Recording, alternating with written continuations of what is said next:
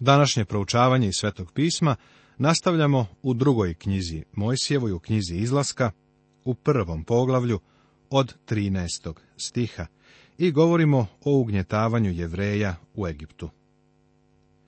I žestoko nagonjahu misirci sinove Izraeljeve na poslove i zagrčivahu im život teškim poslovima, blatom i opekama i svakim radom u polju i svakim drugim poslom na koji ih žestoko nagonjahu.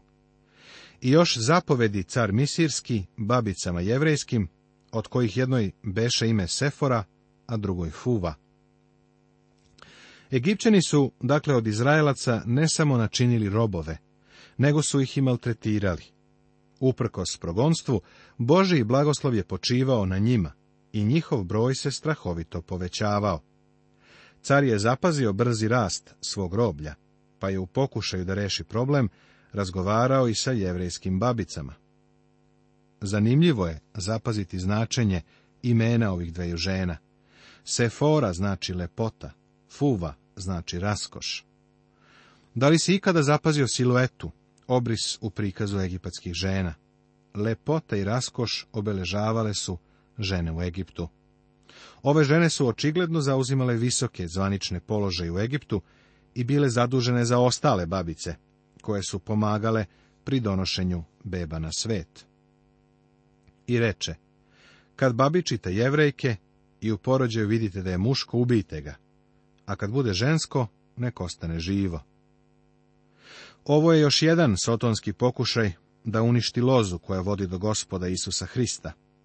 Sotonski pokušaj da se preseče loza koja vodi ka Hristu protežu se duž cele Biblije, sve od starog do novog zaveta. Bilo je mnogo pokušaja da se unište jevreji, a prilično je zanimljivo zapaziti način na koji se u svetu širi antisemitizam. Po svom poreklu on je sotonska stvar, pa zato ni jedno Božje dete ne može učestvovati u njemu. Uopšteno gledajući, obično ljudi bez ikakvog znanja o Bogu progone jevreje.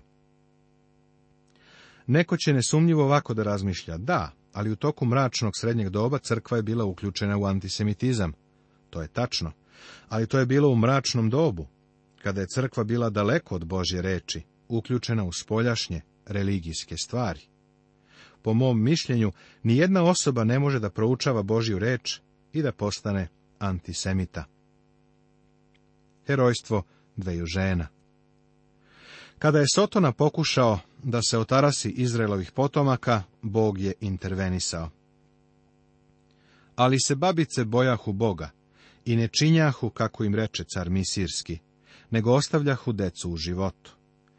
A car Misirski dozva babice i reče im, zašto to činite te ostavljate u životu mušku decu? A babice rekoše faraonu, jevrejke nisu kao žene Misirke, jače su, dok im babica dođe one već rode. I Bog učini dobro babicama i narod se umnoži i osili veoma. Ovaj pokušaj da se unište sva muška jevrejska deca bio je politički potez koji nije uspeo. I što se babice bojahu Boga, načini im kući. Ove žene su morale da izaberu da li će poslušati faraona ili Boga. Naučile su da se boje Boga i njihovu poslušnost Bog je video i nagradio. On je Sefori i Fuvi dao ime i mesto u Izraelu i one su u zemlji bile visoko poštovane. Tada zapovedi faraon svemu narodu svojemu govoreći, Svakoga sina koji se rodi bacite u vodu, a kćeri sve ostavljajte u životu. Da se ovo naređenje sprovelo, Izrael bi uskoro bio istrebljen. Faraonovo naređenje se nije poslušalo a to jasno pokazuju sljedeće poglavlja u knjizi izlaska. Bog je podigao Mojsija da oslobodi Izraelce iz egipatskog ropstva. Izlazak je divna knjiga o izbavljenju. Ona nam slikovito otkriva kako Bog danas izbavlja od greha, sveta, tela i đavola i kako nas spasava za nebo. Poglavlje drugo Tema Bog sprema osloboditelja za svoj narod, rođenje Mojsija, Mojsijevih prvih 40 godina na Faraonovom dvoru. Mojsije se pridružuje Izraelu, ali ga oni odbacuju. Mojsije se ženi neznabožačkom ženom, odnosno ženom koja nije jevrejka. Napomena U ovom poglavlju pred nama je Mojsije osloboditelj, u prvih 11 poglavlja izlaska, odnosno druge knjige Mojsijeve, Svetog pisma Starog Zaveta, on je istaknut kao osloboditelj Izraela. Poglavlje prvo, ropstvo Izraela u Egiptu. Poglavlje drugo, Mojsijevo rođenje prvih 40 godina na Faraonovom dvoru. Poglavlje treće, pozivanje Mojsija, drugih 40 godina u Madijanu, događaj sa grmom koji gori. Poglavlje četvrto, Mojsijev povratak u Egipat, objavljivanje oslobođenja Izraela. I poglavlja od 5. do 11. govore o sukobu sa faraonom i o deset zala protiv egipatskog idolopoklonstva. Druga knjiga Mojsijeva, knjiga izlaska je divna, knjiga o oslobođenju. U ovoj knjizi ništa ne započinje i ništa se ne završava. Ona je prosto nastavak priče koja je započeta u knjizi postanja, a produžava se u Levitsku knjigu i knjigu brojeva, odnosno u treću i četvrtu knjigu Mojsijevu, svetoga pisma Starog Zaveta. Rođenje Mojsija A neko od plemena Levijeva otide i oženi se kćerju Levijevom. I ona zatrudne i rodi sina, i videći ga lepa krejaše ga tri meseca.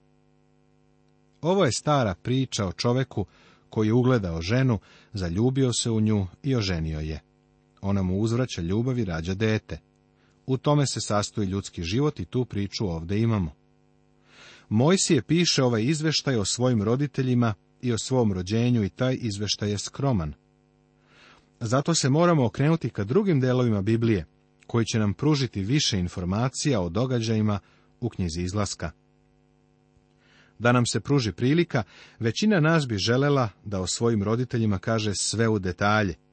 A Mojsije čak nije ni spomenuo ni imena svojih roditelja. Oni su bili obični ljudi. Bili su u ropstvu. Bili su pripadnici Levijevog plemena. To je sve što u ovom momentu Mojsije iznosi. Kasnije će nam dati njihova imena Amram i Johaveda. Drugi stih nam samo kaže da je Mojsije bio dobro i zdravo dete. Mojsije je također bio vrlo uzdržan u davanju detalja pri opisu samoga sebe. A kad ga ne može više kriti, uze kovčežić od site i obliga smolom i paklinom i metnu dete unj i odnese ga u trsku kraj reke. Mojsije ne samo da je bio zdravo dete, nego je imao i razvijena pluća. Njegovi roditelji su u početku mogli da ga kriju, ali je došao dan kada je Mojsije urlao i sve glasa. Kakav kontrast u odnosu na izvestan broj godina kasnije, kada gospod od njega traži da govori pred faraonom, a Mojsije kaže da ne ume da govori. Mnogi od nas su kao bebe dobri u plakanju, ali kao odrasli ne radimo tako dobro za gospoda. Johaveda je imala ozbiljan problem. Više nije mogla da krije svoje dete. Mnogo pobožnih ljudi bi drugačije postupilo od ove majke i reklo bi, pa samo ćemo se pouzdati u gospoda. Ovo je divna izjava, ali da li zaista veruješ gospodu kad radiš nerazumne stvari? Johaveda bi bila nerazumna da je u kući zadržala dete, jer kad bi straža prolazila, čula bi njegov plač. A to bi za Mojsija značilo trenutno smrt. Prosto čujem, kako neko kaže, znaš da dete ne bi plakalo kad prolazi straža. Kako znaš? Vera nije skoku nepoznato, kao što je to pre nekoliko godina rekao jedan liberalni zastupnik liberalne teologije. Bog od nas traži da verujemo ono što je dobro i zdravo i čvrsto. Bog od nas nikada ne traži da činimo luckaste stvari. Veda je postupila vrlo razborito. Napravila je mali kovčeg i u njega stavila Mojsija a sestra njegova stade podalje da vidi šta će biti od njega. Pored toga što je sredila Kovčežić, Johaveda je poslala i Mojsijevu sestru da prati i vidi šta će se desiti njenom bratu. Njena razborita akcija je ukazivala na njeno pouzdanje u Boga. A Faraonova dođe da se kupa u reci, i devojke njezine hodahu kraj reke, i ona ugleda Kovčežiću trsci i posla dvorkinju svoju te ga izvadi. Sada se otkriva ruka gospodnja. Bog će intervenisati u ovoj situaciji. To je ono što gospod radi kada koristiš zdrav razum, a Johaveda je baš pokazala da je razumna. Faraonova kćer je došla na reku Nil da se okupa. Ovo je bez sumnje bilo izdvojeno mesto. Tu se našao i Kovčežić. Poslala je jedno od svojih sluškinja da ga donesu. A kad otvori, vide dete i gle dete plakaše. I sažali joj se i reče, to je jevrejsko dete. Bio je to pravi trenutak u kome će dete zaplakati. Gospod je izgleda u stvari štipnuo malog Mojsija i on je zacvileo. I tada je Bog spojio dve stvari koje je stvorio, detinji plač i srce žene. Faraonova kćer jednostavno nije mogla da ostavi ovog mališana. Tada reče sestra njegova kćeri Faraonovoj, Hoćeš li da idem, da ti dozovem dojkinju jevrejku, da ti doji dete? Marija Mojsijeva sestra je princezi dala vrlo koristan savet. Ona ni kasnije neće dozvoliti da njen mlađi brat to zaboravi. Prijatelju, ova priča koju čitamo je vrlo ljudska. Na svakoj stranici ove knjige Bog ima nešto da nam kaže. A kći Faraonova reče idi. I otide devojčica i dozva mater detinju. Ovo je pravi obrt događaja i pokazuje nam kako se Bog stvarno pokreće kada postupamo razborito i kada se verom razborito krećemo. Sama detetova majka je bila pozvana da ga odhrani i čak je za to bila plaćena. To prijatelju ne možeš poreći. Ne možeš pobediti Boga kada se On pokrene u našim srcima i životima. I kći faraonova reče joj, uzmi ovo dete i odoj mi ga, a ja ću ti platiti. I uze žena dete i odoji ga. A kad dete odraste, odvede ga ka kćeri faraonovoj i ona ga posini i nadede mu ime Mojsije govoreći, jer ga iz vode izvadih. Ime Mojsije znači izvađen, a faraonova kćer ga je tako nazvala, jer ga je izvadila iz vode iako identitet ovog faraona tlačitelja predstavlja oprečan predmet rasprave i stvar spekulacije, faraonova kćer je moguće najstarija kćer Ramzesa II. ili njegova sestra. Prema tadašnjim egipatskim običajima, njen prvorođeni sin je imao pravo na tron. Mojsije bi postao sljedeći faraon, ako bi Ramzes II. i njegova kraljica ostali bez dece prvi Mojsijev pokušaj da pomogne svome narodu. Prvih četrdeset godina Mojsije je svoj život proveo na faraonovim dvorovima. Bio je odgajan i vaspitan kao egipćanin. Izgledao je kao egipćanin, govorio je kao egipćanin, postupao je kao egipćanin. Kada je otišao u Madijan i tamo su ga prepoznali kao egipćanina, kao što ćemo kasnije vidjeti u drugoj knjizi Mojsijevoj.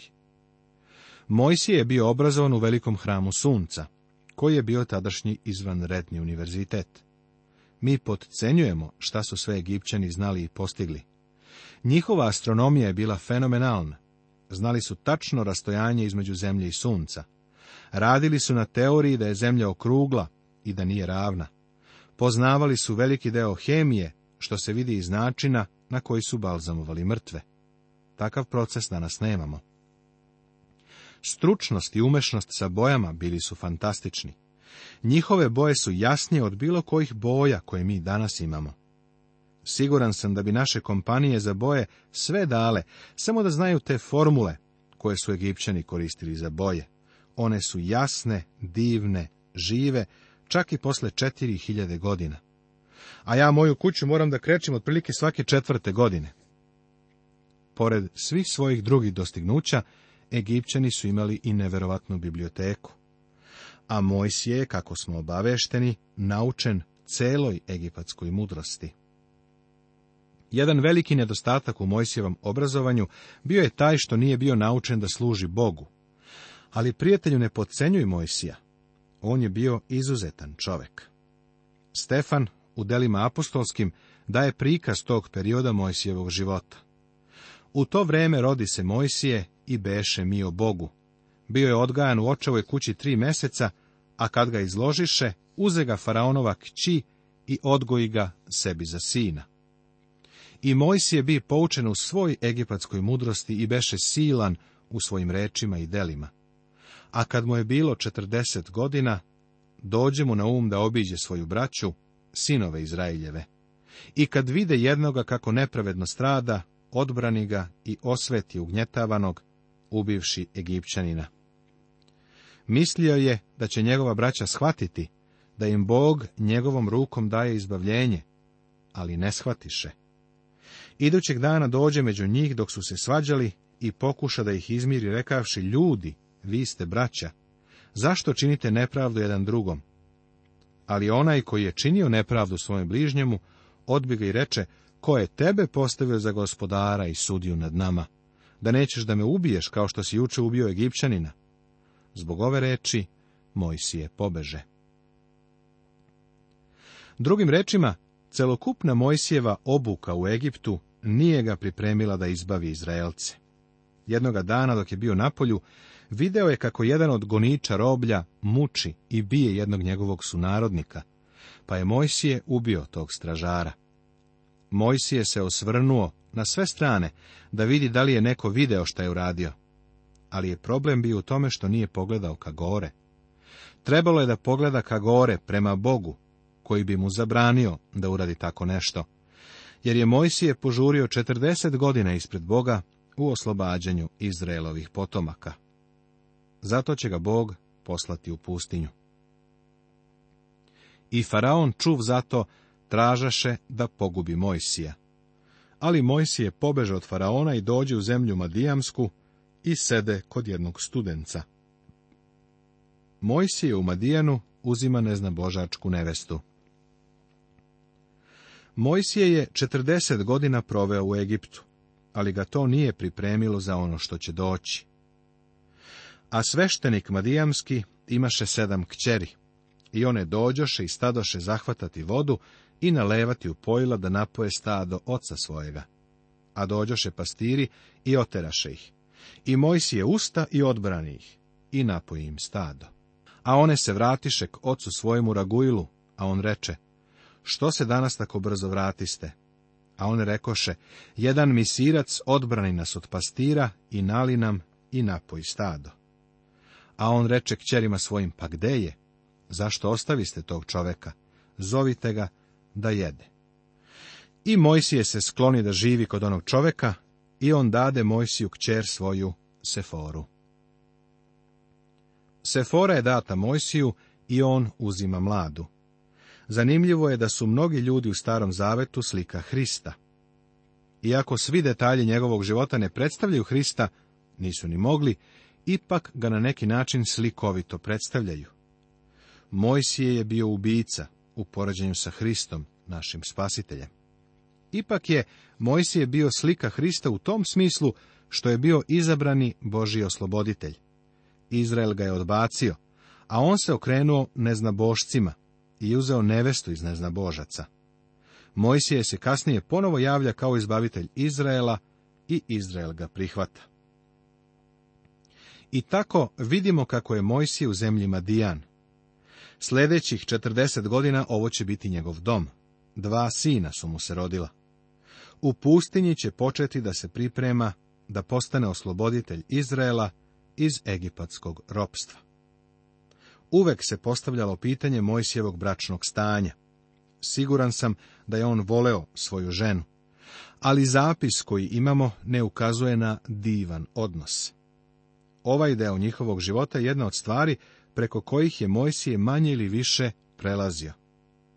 Ime Sefora znači vrabac, što ukazuje na sitnu, nervoznu osobu. I ona rodi sina i on mu nadede ime Girsam, jer sam reče došljak u zemlji tuđoj. A posle mnogo vremena umre car Misirski. I uzdisahu od nevolje sinovi Izrailjevi i vikahu, i vika njihova radi nevolje dođe do Boga i Bog ču uzdisanje njihovo i opomenu se Bog zaveta svoga sa Avramom, Isakom i Jakovom. I pogleda Bog na sinove Izraeljeve i vide ih. Bog se sprema da oslobodi Izraelove potomke. Mojsije je obučavan da bude taj osloboditelj. Bog nije odlučio da će osloboditi Izraelce zato što su bili superiorni u odnosu na Egipćane, ili zato što su mu bili verni i odani, ili zato što nisu ušli u idolopoklonstvo. Ovi ljudi su bili neverni u najvećoj mogućoj meri. Radije su služili idolima nego Bogu. Sećaš se da nakon oslobođenja iz Egipta, kada ih je Mojsije uveo u pustinju, Izraelci su jedva čekali da naprave zlatno tele, kojim će se pokloniti. Bog je želao da ih oslobodi zato što su bili u bespomoćnom, beznadežnom položaju u ropstvu. Da niko u njihovu korist nije intervenisao, oni bi nestali. Nastavit će se.